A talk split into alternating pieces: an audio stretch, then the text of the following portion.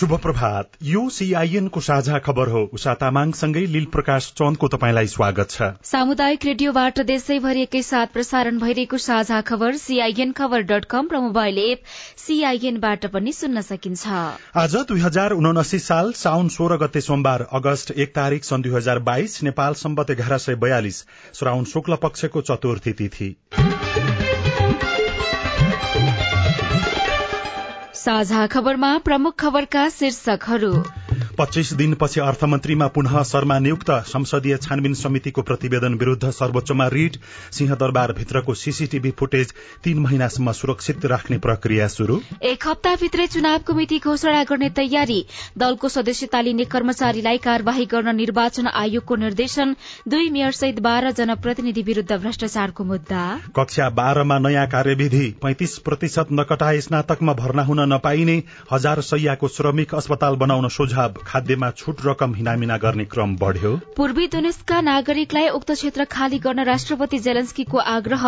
विश्वभर प्रतिदिन चार हजार नयाँ एचआईभी संक्रमित थपिँदै श्रीलंकामा सर्वदलीय सरकारका लागि पहल शुरू र साप बीस वर्ष मुनिको च्याम्पियनशीप फुटबलमा नेपाल भारतसँग पराजित महिला युरो कप दुई हजार बाइसको उपाधि इंग्ल्याण्डलाई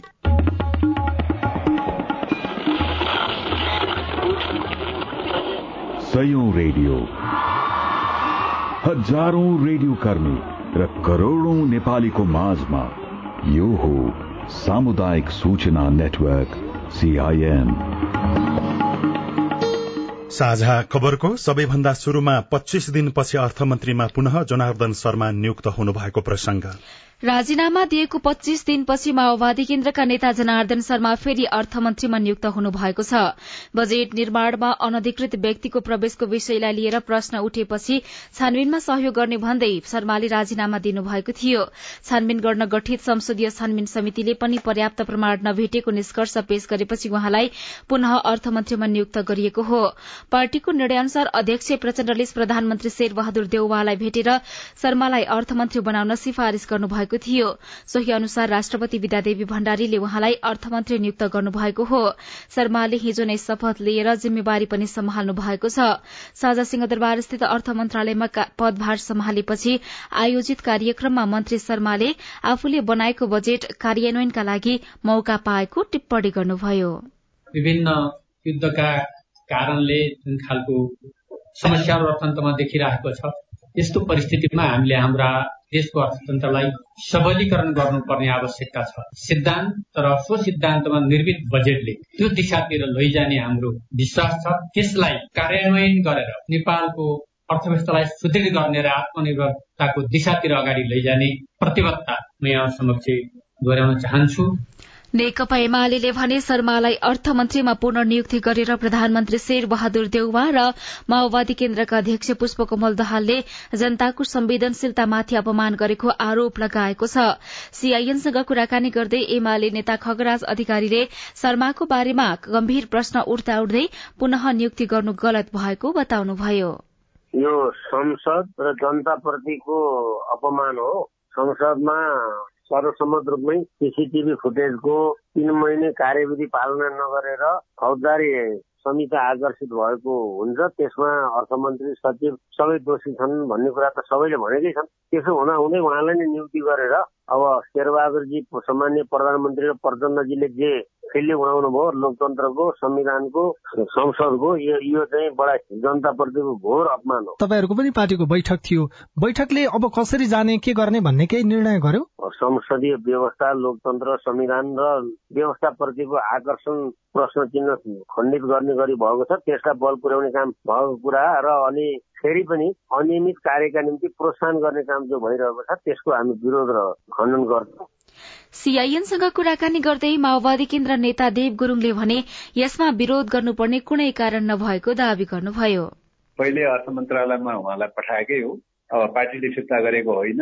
उहाँले राजीनामा दिनुभएको हो त्यस कारणले गर्दाखेरि प्रधानमन्त्रीले जहिले नियुक्ति गर्न चाहे उहिले त नियुक्ति त गर्न सक्ने कुरा भयो। जसरी यो घटनाक्रमको विकास भयो त्यो हिसाबले चाहिँ अलिकति नैतिकता पार्टीले देखाएन कि भन्ने प्रश्नमा चाहिँ तपाईँको जवाब के छ? छानबिन समितिले जे भनेको छ अब अनाधिकृत पात्र प्रवेश गरेको हो कि बजेट निर्माणमा भन्ने थियो के अरे त्यो चाहिँ त्यस्तो देखिएन त्यो प्रवेश गरेको पाइएन भनेर छानबिन समितिले रिपोर्ट दिएपछि त चाहिँ अरू त थप त के हुँदो रहेछ? गल्ती गरेको हो कि होइन भन्ने कुराको बारेमा चाहिँ क्वेसन उठ्या हो। अहिलेसम्मको अनुसन्धानको आधारमा प्रवेश गरेको भेटिएन भनेर भनेको छ। अन्त भेटेको कुराको बारेमा त भेटियो भनेर चाहिँ भन्ने कुरो त भएन त विकल्प माओवादीले दिन किन नसके त्यो त त्यो त पार्टीले निर्णय गरेर उहाँलाई पठाउने भनेर निर्णय गरिसकेपछि त फिर्ता गर्ने भनेर निर्णय त गरेका थिएन नि त। संसदीय छानबिन विशेष समितिको प्रतिवेदन कार्यान्वयन नगर्न माग गर्दै सर्वोच्चमा भने रिट दायर भएको छ। उपभोक्ता हित संरक्षण मञ्चले बजेट निर्माणको क्रममा अनधिकृत व्यक्तिलाई प्रवेश गराएको सन्दर्भमा छानबिन गर्न गठित संसदीय विशेष समितिको प्रतिवेदन कार्यान्वयन नगर्न आइतबार हिजो रिट दायर गरेको हो। समितिले तयार बनाएको प्रतिवेदन लागू हुँदा यसले देशलाई अपूर्णीय क्षति हुने समेत मञ्चले दावी गरेको छ। सरकारले सिंहदरबार परिसरभित्र हुने गतिविधिको सीसीटीभी फुटेज तीन महिनासम्म सुरक्षित राख्ने प्रक्रिया पनि अगाडि बढ़ाएको छ। गृह मन्त्रालयले तीन महिनासम्म सीसीटीभीको फुटेज अनिवार्य रूपमा राख्न निर्देशन दिएसँगै शहरी विकास मन्त्रालय अन्तर्गत संघीय सचिवालय निर्माण तथा व्यवस्थापन कार्यालयले यो प्रक्रिया अगाडि बढ़ाएको हो। निर्वाचन आयोगले संविधान तथा कानून बमोजिम राजनीतिक दलको सदस्यता लिन नमिल्ने व्यक्तिले कुनै सदस्यता लिए वा राजनीतिक दलले सदस्यता दिए कार्यवाही गर्न सरोकारवाला निकायलाई निर्देशन दिएको छ। प्रदेश र संघीय निर्वाचनको चर्चा चलिरहेका बेला सदस्यता वितरणका सम्बन्धमा भइरहेका विभिन्न टिक्का टिप्पणीप्रति निर्वाचन आयोगले आफ्नो ध्यान आकर्षण भएको बताउँदै अयोग्य व्यक्तिलाई दलको सदस्यता दिए प्रचलित कानून बमोजिम कार्यवाही गर्न प्रधानमन्त्री तथा मन्त्री परिषदको कार्यालय मार्फत प्रदेश सरकार तथा स्थानीय तहलाई निर्देशन दिएको हो। निर्वाचन आयोगले संस्थाको बहालवाला प्राध्यापक शिक्षक वा कर्मचारीको पदमा बहाल रहेका व्यक्ति तथा कुनै सार्वजनिक पद धारण गरेको व्यक्तिलाई राजनैतिक दलको सदस्यता नदिन निर्देशन दिएको आयोगका प्रवक्ता शालिग्राम शर्मा पौडेलले सीआईएनसँग बताउनुभयो। कानूनले योग्य हुने व्यक्तिलाई मात्रै राजनीतिक दलको सदस्य बनाउन भनेर राजनीतिक दलहरूलाई निर्देशन दिएको विषय हो।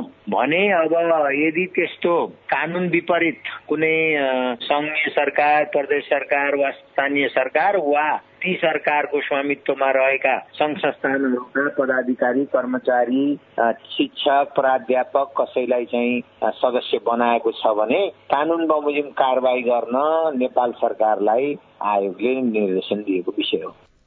यस्तै आयोगले वितरण गरेको विवरण निर्वाचन आयोगले माग गरेको समयमा उपलब्ध गराउन सक्ने गरी स्थानीय तह प्रदेश तह र केन्द्रीय तहमा नेपाली नागरिकताको प्रमाणपत्र तथा निर्वाचन आयोगद्वारा जारी गरिएको मतदाता परिचय पत्रको आधारमा व्यवस्थित र अद्यावधि गरी राख्ने व्यवस्था मिलाउन राजनीतिक दल सम्बन्धी ऐन दुई हजार त्रिहत्तरको दफा सन्ताउन्न बमोजिम सबै राजनीतिक दलहरूलाई निर्देशन दिइएको छ।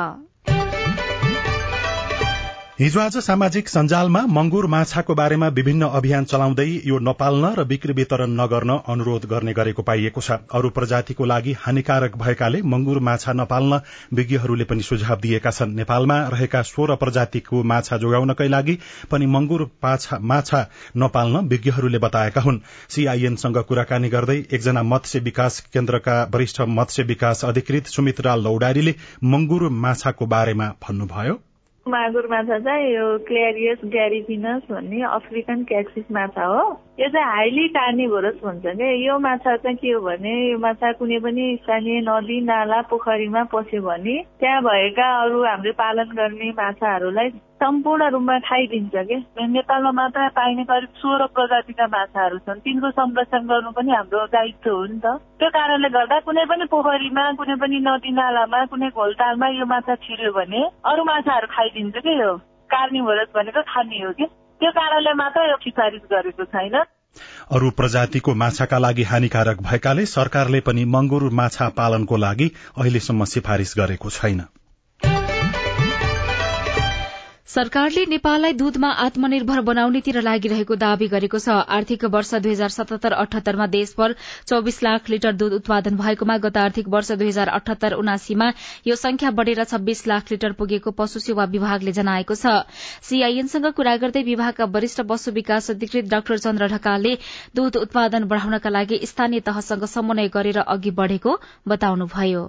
भइरहेको पशुको उत्पादकत्व वृद्धि गर्नको लागि कृत्रिम गर्भाधान मार्फत हामी त्यसको चाहिँ उत्पादकत्व बढाउन सक्छौँ। त्यस्तै परम्परागत तरिकाले खुवाइरहेको छ भने आधुनिक तरिकाले त्यसलाई चाहिँ त्यसको खानपानमा सुधार गर्यो भने पशुको उत्पादकत्व बढ्छ। त्यस्तै बस्ने ठाउँको कुराहरू हुन्छ त्यसलाई डे टु डे गर्ने व्यवस्थापनका कुराहरू हुन्छ त्यसमा चाहिँ औषधि उपचारको कुरा हुन्छ रोग नियन्त्रणको कुराहरू हुन्छ परजीवी नियन्त्रण गर्ने कुराहरू हुन्छ। यी सम्पूर्ण कुराहरूले चाहिँ बिस्तारै बिस्तारै पशुको चाहिँ व्यवस्थापन सुधार हुन्छ आत्मनिर्भरताको लागि चाहिँ सहजीकरण गरेको अवस्था छ। उत्पादन भएका दूध स्थानीय स्तरमा भएको बजारमा जाने र पन्ध्रदेखि सत्र प्रतिशत दूध मात्र औपचारिक रूपले ठूलो बजारसम्म पुग्ने गरेको उहाँको भनाइ छ। सीआईएनसँग कुरा गर्दै दुग्ध विकास संस्थानका निमित्त उपमहाप्रबन्धक राजेन्द्र प्रसाद अधिकारीले भने बजारको माग अनुसार आपूर्ति भने गर्न नसकिएको बताउनुभयो। काठमाडौँ हामीले आज एक लाख पचास हजार भन्दा माथिको डिमान्ड भन्नुभएको थियो। हामीले एक लाख तिस हजारको चाहिँ आज हामीले मार्केटिङ गर्यौँ। किनभने हामी चाहिँ त्यसको कच्चा पदार्थको रूपमा रहेको कच्चा दुध नै प्रशस्त हामीसँग छैन त्यो आधारले डिमान्ड अनुसारको हामीले सप्लाई गर्न सकिरहेनौँ। एकजनालाई वार्षिक एकानब्बे लिटर दूध आवश्यक पर्ने भए पनि अस्सी लिटरसम्म मात्र उपलब्ध हुन सकेको सरकारी तथ्याङ्क छ।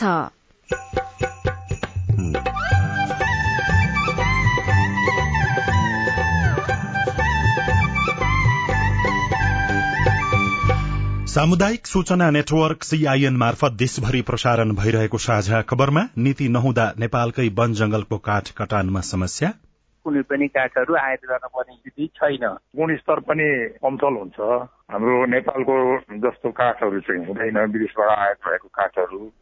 कक्षा बाह्रमा नयाँ कार्यविधि पैंतिस प्रतिशत नखोटा स्नातकमा भर्ना हुन नपाइने हजार सयको श्रमिक अस्पताल बनाउन सुझाव लगायतका खबर बाँकी नै छन्। सीआईएनको साझा खबर सुन्दै गर्नुहोला।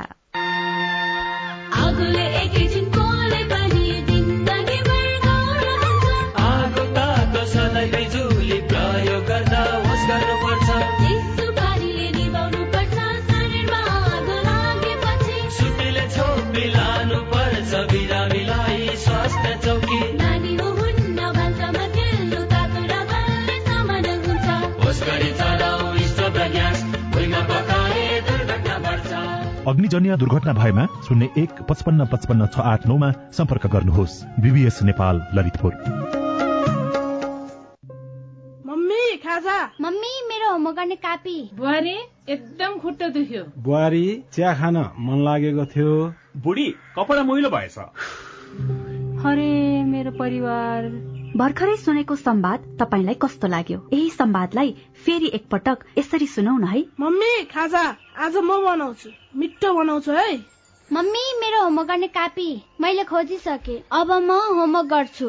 बुहारी एकदम खुट्टा दुख्यो। छोराले तेल तताएर लगाइदिएपछि अलि आराम भयो। बुहारी चिया खान मन लागेको थियो। सबैको लागि बनाएको छु। आऊ सबैजना खान। बुढी कपडा मैलो भएछ। घर नि कस्तो फोहोर। कपडा धोएर भ्याए। अब घर सफा गर्छु। कोरोनाको महामारीबाट बस्न पनि त सरसफाई जरुरी छ नि। आहा मेरो परिवार। तपाईँलाई दोस्रो संवाद कस्तो लाग्यो? पक्कै राम्रो लाग्यो। हो तपाईँ हामी बीच जिम्मेवारी बोध भयो भने एक अर्का बीचको निकटतालाई अझ राम्रो बनाउन सकिन्छ। बाढी चोडी जिम्मेवारी परिवारमा समझदारी। महिला बालबालिका तथा ज्येष्ठ नागरिक मन्त्रालय युएन वुमन ल्याक र अकुराबको सहकार्य। सामाजिक रूपान्तरणका लागि यो हो सामुदायिक सूचना नेटवर्क सीआईएन तपाई अहिले देशभरिका सामुदायिक रेडियो सीआईएन खबर डट कम र मोबाइल एप सीआईएनबाट एकैसाथ साझा खबर सुन्दै हुनुहुन्छ। अब बाँकी खबर। मनसून सक्रिय भएसँगै पानी पर्ने क्रम बढ़ेको छ। मौसम पूर्वानुमान महाशाखाका अनुसार अबको तीन दिन देशका विभिन्न ठाउँमा हल्कादेखि मध्यम वर्षा हुँदा थोरै ठाउँमा भने भारी वर्षा पनि हुने देखिएको छ। यसले बाढ़ी र पहिरोको जोखिम बढ़ने भएकाले भिरालो जमीन आसपास र नदी किनारामा बस्ने नागरिकलाई हिडुल गर्दा ख्याल गर्न मौसमविदले सुझाव दिएका छन्। सीआईएनसँग कुराकानी गर्दै मौसमविद मञ्जुवासीले अझै तीन दिन पानी पर्ने क्रम चलिरहने जानकारी दिनुभयो। मनसुन निम्न चापिय रेखा यो सर्डर भन्दा उत्तरतर्फ सरेको हुँदाखेरि नेपालमा मनसुनी गतिविधि बढेको छ। यही मौसमी प्रणालीको कारणले गर्दा घाम लाग्ने खासै सम्भावना छैन। ठुलो एरिया चाहिँ यो भारी वर्षा नहुने तर सानो ठाउँमा चाहिँ भारी वर्षा हुने भएकोले चाहिँ यसले खोला नदीमा पनि पानीको बहाव बढ्ने देखिन्छ। त्यही भएकोले चाहिँ यो पहाडी भूभागमा बस्नु बसोबास गर्नुभएका र यो खोला नदी किनारा नजिक बस्नुभएका जनताहरूले चाहिँ अब अलिकति चाहिँ सचेत हुनुपर्ने देखिन्छ भने पनि यो बाटोमा यात्रा गर्दा पनि यो पहिरोहरू गइराख्ने हिलोहरू हुने भएकोले चाहिँ यात्रा गर्दा पनि अलिकति सावधानी अप्नाउनु पर्ने चाहिँ देखिन्छ। झापाको दमक ओर्लाबारी शनिश्चर्य चन्द्रगढ़ी आसपासमा गैराती भारी वर्षा भएको मेची बिरिङ निन्दा रतुवा लगायत साना खोलामा बाढ़ीको जोखिम देखिएको र तटीय डुबान भइरहने होचा भूभागमा बिहानसम्म उच्च सतर्कता अपनाउन पनि विभागले आग्रह गरेको छ। अब आज काठमाडौँबाट प्रकाशित पत्र पत्रिकाको खबर कान्तिपुर दैनिकमा अधुरा काम फत्ते गर्न फर्काइए शर्मा। शर्माको काँधमा कुशासनको बन्दुक पट्काउँदै देउबा दाहाल शीर्षकमा खबर छ। अर्को खबर साताभित्रै चुनाव घोषणा शीर्षकमा प्रकाश धौलाकोटी र मकर श्रेष्ठ लेख्नुहुन्छ। सरकारले प्रतिनिधि सभा र प्रदेश सभा सदस्य निर्वाचनको मिति एक साताभित्रै तोक्ने तयारी गरेको छ। चुनावको तयारी र मिति घोषणाबारे प्रधानमन्त्री देउबा र मन्त्रीहरूले सत्ता साझेदार दलसँग परामर्श गरिरहेका छन्। सरकारले मिति नीतिका विषयमा निर्वाचन आयोगको परामर्श र सिफारिश लिइसकेको छ। आयोगका पदाधिकारीले गत असार बाइसमै प्रधानमन्त्री देउबा र मन्त्रीहरूलाई भेटेर एकै चरणमा मंगिर दुईमा प्रतिनिधि सभा र प्रदेश सभा सदस्य निर्वाचन गर्न सुझाव दिएका थिए। भित्री पन्नामा खाद्यमा छूट रकम हिनामिना गर्नेलाई संरक्षण शीर्षकमा खबर छ। हुम्लावासीलाई खाद्यान्नमा दिएको छूट खाद्य व्यवस्था तथा व्यापार कम्पनीका कर्मचारीले हिनामिना गरे पनि तिनलाई प्रमुख कार्यकारी अधिकृत सीईओ मोहन प्रकाश चन्दबाटै संरक्षण भएको पाइएको छ। नब्बे दिनभन्दा बढ़ी निलम्बन गर्न नियमावली बाधक भएको भन्दै छूटको रकम अपचलन गर्ने कर्मचारीलाई बचाउ गरिएको हो र ती कम्पनीमा हाजिर गराइएको छ। खाद्य कम्पनीले भने अख्तियारले अध्ययन गरिरहेको प्रतिवेदन नआएसम्म कर्मचारीहरूले काम गरिरहने पनि बताएको छ। नेपाल समाचार पत्र दैनिक दैनिकको पहिलो पृष्ठमा कक्षा बाह्रमा नयाँ कार्यविधि पैंतिस प्रतिशत नकटाए स्नातक तहमा भर्ना हुन नपाइने शीर्षकमा ईश्वरराज ढकालले खबर लेख्नु भएको छ। कक्षा बाह्रका विद्यार्थीले लब्दाङ्क पत्रमा पैंतिस प्रतिशत नकटाए स्नातक तहमा भर्ना नपाउने भएका छन्। राष्ट्रिय परीक्षा बोर्डले यो वर्षबाट लेटर ग्रेडिङ पद्धति कार्यविधि दुई हजार अठहत्तर लागू गर्ने निर्णय गरेसँगै विद्यालय तहको अन्तिम परीक्षामा नट ग्रेडेड अवर्गीकृत प्राप्त गरेका विद्यार्थीले स्नातक तहमा भर्ना हुन नपाउने भएका हुन्। विद्यार्थीले नट ग्रेडेड अंक नकटाएसम्म ट्रान्सक्रिप्ट पाउँदैनन्। बोर्डले अनिवार्य रूपमा पैंतिस प्रतिशत अर्थात डी ग्रेड पाएकालाई मात्र उत्तीर्ण भएको मान्यता दिने भएपछि माथिल्लो तहमा अध्ययन गर्ने विद्यार्थीको संख्या वात्तै घट्ने अनुमान गरिएको छ। राष्ट्रिय परीक्षा बोर्डले राष्ट्रिय परीक्षा बोर्ड परीक्षा नियन्त्रण कार्यालयले एसीएको ग्रेड वृद्धि पूरक परीक्षाको मिति तय गरेको छ। अन्तिम ग्रेड सी वा सी भन्दा कम प्राप्त गरेका विषय मध्ये परीक्षार्थीले आफूले चाहेको बढ़ीमा दुई विषयसम्म र दुई विषयमै अनुपस्थित रहेका परीक्षार्थीहरूले ग्रेड वृद्धि पूरक परीक्षामा सहभागी हुन पाउनेछन्। परीक्षा भदौ एघार र बाह्र गते हुने गरी परीक्षाको कार्यतालिका सार्वजनिक गरिएको छ। नयाँ पत्रिका दैनिकमा निर्वाचन भएको दुई महिनामै दुई मेयर सहित बाह्र जनप्रतिनिधि भ्रष्टाचार मुद्दा मुद्दामा निलम्बित शीर्षकमा सुभाष भट्ट लेख्नुहुन्छ गाउँ गाउँमा सिंहदरबारसँगै व्यथिति पनि पुगेको छ। स्थानीय तहका जनप्रतिनिधि भ्रष्टाचार मुद्दामा जोडिएका उल्लेख्य घटनाले यसलाई पुष्टि गर्छ। निर्वाचित भएको दुई महिनामै स्थानीय सरकारका बाह्र जनप्रतिनिधिलाई भ्रष्टाचार मुद्दा लागेको छ। दुई मेयर एक गाउँपालिकाका अध्यक्ष छ वडा अध्यक्ष एक कार्यपालिका सदस्य र दुई वडा सदस्य विरूद्ध अख्तियार दुरूपयोग अनुसन्धान आयोगले विशेष अदालतमा मुद्दा दायर गरेको हो। दुई महिनामा एघार प्रमुख प्रशासकीय अधिकृत विरूद्ध विरूद्ध पनि भ्रष्टाचार मुद्दा दर्ता भएको छ। भित्री पन्नामा बीस अर्ब लागतमा हजार बेडको श्रमिक अस्पताल बनाउन सुझाव शीर्षकमा खबर छ। एक हजार बेड क्षमता भएको श्रमिक अस्पताल निर्माण गर्न श्रमिक अस्पताल निर्माण सम्भाव्यता अध्ययन कार्यदलले सरकारलाई सुझाव दिएको छ। पच्चीस विघा क्षेत्रफलमा अस्पताल निर्माण गर्न करिब बीस अर्ब लागत लाग्ने पनि कार्यदलले निष्कर्ष निकालेको छ। अनि साठी अर्ब लगानीमा आठवटा विमानस्थल आधुनिक टर्मिनल भवन बनाइँदै गरेको अर्को खबर छ। त्रिभुवन र गौतम बुद्ध अन्तर्राष्ट्रिय विमानस्थल सहित विराटनगर रामेछाप भरतपुर नेपालगंज महेन्द्रनगर जुम्ला विमानस्थलमा नयाँ टर्मिनल भवन निर्माण यसै वर्ष शुरू गरिने भएको छ। साझा खबरमा अब प्रश्नोत्तर श्रृंखला प्रस्तुत गर्दै हुनुहुन्छ सुनिल राज भारत सर्लाहीको हरिपूर्वा नगरपालिका वडा नम्बर छका राम विनय यादवको प्रश्न छ बाल बालिकालाई दिइने पोषण भत्ता पाउन के गर्नुपर्छ? राम विनयजी यस विषयमा हामीले वडा नम्बर छका वडा सचिव विश्वनाथ यादवलाई सोधेका छौँ। आवेदन आउँछ त्यसलाई हामी अनलाइनमा इन्ट्री गरिदिन्छौँ एमएसमा एमएसमा इन्ट्री गरिसकेपछि त्यो ब्याङ्क नगरपालिकाले ब्याङ्कलाई फरवार्ड गरिदिन्छ फरवार्ड फिड अनि ब्याङ्कले त्यो फरवार्ड फिडको आधारमा खाता खोलिदिन्छ। अनि खाता खोलिसकेपछि उसको रकम त्यो खातामा जम्मा गरिदिने हो ब्याङ्कले। अनि त्यो भत्ता लिन जाँदाखेरि त्यो अभिभावकले जन्मदर्ताको प्रतिलिपि समय सुरक्षा परिचय प्रतिलिपि फोटो अनि संरक्षक आफै गएर त्यो खाता चाहिँ सक्रिय गराउने हो सिग्नेचर नमुना लोड गर्छ अनि उसले पैसा रकम पाउँछ। तपाईँहरूले सिफारिस गर्नुपर्ने हुन्छ होइन? सिफारिस त होइन त्यो समाज सुरक्षा परिचय पत्र बनाएर दिन्छौँ हामी।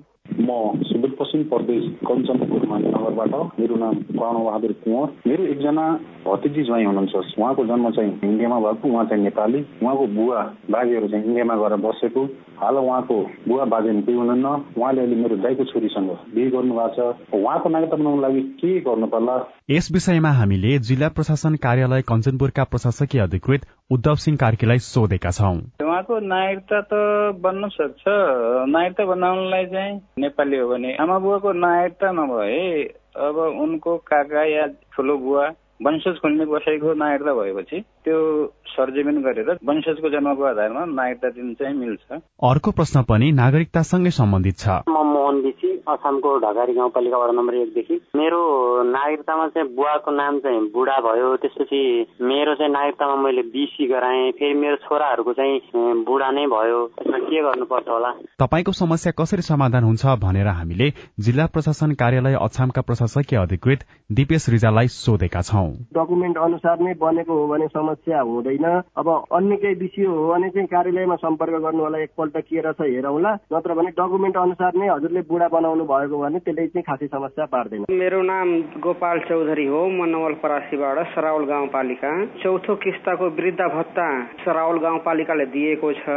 तर प्रत्येक वृद्ध भत्ता एकल भत्तामा एक एक हजार रुपियाँ चाहिँ चाहिँ काटेको छ। यो किन होला? तपाईँको गुनासो हामीले सरावल गाउँपालिकाका एमआइएस अपरेटर सन्तोष सिंह राय समक्ष राखेका छौं। जति भत्ता वितरण पाउनु पर्ने भत्ता जति हुन्छ त्यति नै हामी पालिकाबाट माग गरेर ब्याङ्कलाई हामी बुझाउँछौँ। अब ब्याङ्कको सिस्टमबाट काटेछन् भने त्यो हामीले भन्न पनि मिलेन। विवरण हेर्दाखेरि जब रिभर्स स्पिड हामी हेर्छौँ त्यसमा यदि फरक पर्छ भने एमाउन्ट हामीले ब्याङ्कसँग जवाब माग्छौँ। ब्याङ्कबाट हामी खोजी गरेर जवाब दिन्छौँ। म तुलसी पुरी धनकुटाबाट। नेपालको सबैभन्दा पुरानो विश्वविद्यालय त्रिभुवन विश्वविद्यालयले क्यालेन्डर बनाएर आफ्नो कार्यक्रम प्रकाशन गर्न सक्दैन। तपाईँको प्रश्न सुनेपछि त्रिभुवन विश्वविद्यालय अन्तर्गत परीक्षा नियन्त्रण कार्यालय बल्खुका उपनियन्त्रक घनश्याम ठाकुरको जवाब छ। क्यालेन्डरको जहाँसम्म कुरा छ त्यो बिचमा कोरोना कालदेखि लिएर अनेक तालाबन्दी अनेक अनेक समस्याले गर्दा अगाडि बढ्न सकिरहेको छैन। तथापि भर्ना समयमै भएको हो गएको सालमा। र त्यहाँदेखि सायद अब जुन प्रथम वर्ष नियमित जुन विद्यार्थी भर्ना भएका छन् तिनीहरूको क्यालेन्डर सायद मेन्टेन होला कि आशा गरौँ। तपाईँ जुनसुकै बेला हाम्रो आइभीआर नम्बर शून्य एक बाहन्न साठी छ चार छमा फोन गरेर तपाईँको प्रश्न प्रतिक्रिया तथा गुनासा रेकर्ड गर्न सक्नुहुनेछ। साझा खबरमा अब विदेशको खबर। विश्वभर प्रत्येक दिन झण्डै चार हजार नयाँ एचआईभी संक्रमित थपिने गरेको एउटा अध्ययनले देखाएको छ। संयुक्त राष्ट्र संघले आफ्नो ट्विटर ह्याण्डलमा विश्वभर प्रत्येक दिन चार हजारका दरले नयाँ एचआईभी संक्रमित थपिने गरेको उल्लेख गरेको छ। संघले विश्वका विभिन्न मुलुकलाई यसको रोकथाम र उपचारमा पहुँच बढ़ाउन पनि आग्रह गरेको छ। श्रीलंकाका राष्ट्रपति रनिल विक्रमासिंघेले आफ्नो नेतृत्वमा सर्वदलीय सरकार गठनका लागि पहल शुरू गर्नु भएको छ। सरकारमा सहभागी हुनका लागि विपक्षी दलहरूसँग उहाँले आग्रह गर्नुभएको छ मुलुकको खराब आर्थिक अवस्थाको सुधार र प्रशासनमा विश्वास स्थापित गर्नका लागि सबैलाई मिलेर जान पनि उहाँले आग्रह गर्नुभएको छ। र युक्रेनका राष्ट्रपति भ्लोदमिर जुलेन्स्कीले पूर्वी दोनेत्स्कमा रहेका आफ्ना नागरिकलाई त्यस क्षेत्र खाली गर्न निर्देशन दिनुभएको छ। एउटा आदेश जारी गर्दै उहाँले युक्रेनले कब्जा गरेको क्षेत्र सक्दो चाँडो खाली गर्न निर्देशन दिनुभएको हो। युद्ध थप बढ़दै गएको हुँदा त्यस क्षेत्रमा बसोबास गरेकाहरू जोखिममा पर्न सक्ने भएकाले खाली गर्न जुलेन्स्कीले निर्देशनमा उल्लेख गर्नुभएको छ। साझा खबरमा अब खेल खबर। बीस वर्ष मुनिको च्याम्पियनशीप फुटबलमा नेपाल पराजित भएको छ। साबिक विजेता भारत विरूद्ध खेलेको नेपाल आठ शून्य गोल अन्तरले पराजित भएको हो। भुवनेश्वर स्थित कालिङ्गा स्टेडियममा हिजो भएको खेलको पहिलो हाफमा एक गोलको अग्रता बनाएको भारतले दोस्रो हाफमा सात गोल गरेको थियो। भारतको यो दोस्रो जीत हो। जीतसँगै भारतले तीन खेलमा छ अंक जोडेको छ। नेपालको भने यो पहिलो हार हो। अब नेपालले आफ्नो अन्तिम खेलमा बंगलादेशसँग भोलि खेल्नेछ। नेपालमा आयोजना हुने महिला साफ च्याम्पियनशीप फुटबलको फुटबलको खेल तालिका सार्वजनिक भएको छ। समूह बीमा रहेको नेपाल र भूटान बीचको खेल भदौ एक्काइसमा हुनेछ। त्रिपुरेश्वर स्थित दशरथ रंगशालामा आयोजना हुने महिला साफ च्याम्पियनशीप भदौ एक्काइसदेखि असोज तीन गतेसम्म सञ्चालन हुनेछ। केन्याले नेपाली क्रिकेट टीमसँग सिरिज खेल्ने प्रस्ताव पठाएको छ। केन्याले भदौ दोस्रो साता सिरिज खेल्नका लागि प्रस्ताव पठाएको हो। केन्याको प्रस्तावमाथि क्यान पनि सकारात्मक रहेको छ। नवौं राष्ट्रिय खेलकुद प्रतियोगितामा सहभागी हुने खेलाड़ी तथा अफिसियलको दैनिक भत्ता दुई हजार रूपियाँ निर्धारण भएको छ। राष्ट्रिय खेलकुद परिषदको आइतबार बसेको एक सय तेह्रौं बैठकमा युवा तथा खेलकुद मन्त्री महेश्वर गहराजले नवौं राष्ट्रिय खेलकुदमा सहभागी हुने खेलाड़ी र अफिसियलको दैनिक भत्ता निर्धारण गर्नुभएको हो। र महिला युरोकप दुई हजार बाइसको उपाधि इंग्ल्याण्डले जितेको छ। वेलम्बीमा गैराती भएको फाइनल खेलमा जर्मनीलाई अतिरिक्त समयमा दुई एक गोल अन्तरले हराउँदै इंग्ल्याण्डले उपाधि जितेको हो। पुराना रूख काट्नका लागि नियमावली बनाउँदै वन मन्त्रालय रेडियो रिपोर्ट अरू खबर र कार्टुन पनि बाँकी नै छ। सीआईएनको साझा खबर सुन्दै गर्नुहोला। Dish Home FiberNet presents for the first time in Nepal. Get ready to get your mind blown with four times faster than 5G. We are introducing Wi-Fi 6, the only technology with artificial intelligence in Nepal. Mega 5. Get Kushi ko upgrade with Wi-Fi 6 routers and mesh nodes. Mega 5 Kushi ko upgrade. Dish Home FiberNet. सामाजिक रूपान्तरणका लागि यो हो सामुदायिक सूचना network CIN साझा खबरमा अब आयात भइरहेको अर्बौंको काठको कुरा। भन्सार विभागको तथ्याङ्क अनुसार गत आर्थिक वर्षमा मात्रै नेपालले विभिन्न मुलुकबाट सात अर्ब चौवालिस करोड़ अठहत्तर लाख भन्दा बढ़ीको काठ र काठजन्य सामग्री आयात गरेको छ। झण्डै पैंतालिस प्रतिशत वन क्षेत्र रहेको नेपालका रूखहरू अनुत्पादक अवस्थामा रहिरहनु तर बाह्य मुलुकबाट अर्बौं रूपियाँको काठ आयात हुनु चिन्ताको विषय भएको वन क्षेत्रका जानकारहरू बताउँछन्। कास्कीका गोविन्द बहादुर थापाले फर्निचर व्यवसाय गर्न थालेको चालिस वर्ष भयो। उहाँले आफ्नो व्यवसायका लागि वार्षिक पच्चीस लाख रूपियाँको काठ विदेशबाट ल्याउनुहुन्छ। ती काठ नेपालका जस्ता गुणस्तरीय हुँदैनन्। क्वालिटी पनि राम्रो छैन फेरि हाम्रो नेपालको काठ चाहिँ असाध्यै राम्रो स्तरीय काठ छ। भन्सार विभागका अनुसार नेपालमा भारत मलेसिया चीन लगायतका देशबाट काठ र काठजन्य सामग्री आयात हुन्छ। देशमा उमेर पुगेका र उपयुक्त रूख कटान गर्ने स्पष्ट व्यवस्था छैन जसले नेपालको वन अनुत्पादक बनिरहेको छ भने अर्बौं रकम विदेशी नै गरेको छ। नियमित रूपमा ढले पढेका रुखहरू निकालिदियो भने हामीले विदेशबाट कुनै पनि काठहरू आयात गर्न पर्ने स्थिति छैन। गुणस्तर पनि कमतल हुन्छ। हाम्रो नेपालको जस्तो काठहरू चाहिँ हुँदैन विदेशबाट आयात भएको काठहरू। वन पैदावार उद्योग व्यवसायी महासंघका अनुसार नेपालमा वार्षिक तेह्र करोड़ घनफीट काठ उत्पादन हुन सक्छ। तर वार्षिक करिब साढे पाँच करोड़ घनफीट काठ नेपालमा खपत हुने गरेको छ। नेपालको काठ खेर जाने र काष्ठ उद्योगका लागि विदेशी काठ ल्याउनु पर्ने बाध्यता अन्त्यका लागि वन व्यवस्थापनको नीतिलाई चुस्त बनाउनु पर्ने महासंघका वरिष्ठ उपाध्यक्ष दिनेश राज रेग्मी बताउनुहुन्छ। ढले परेका बाङ्गा निकालेर हाम्रो आपूर्ति व्यवस्थालाई सहज गराउँ र विदेशबाट आयात नगरौँ। हाम्रै देशको काठले पुग्छ।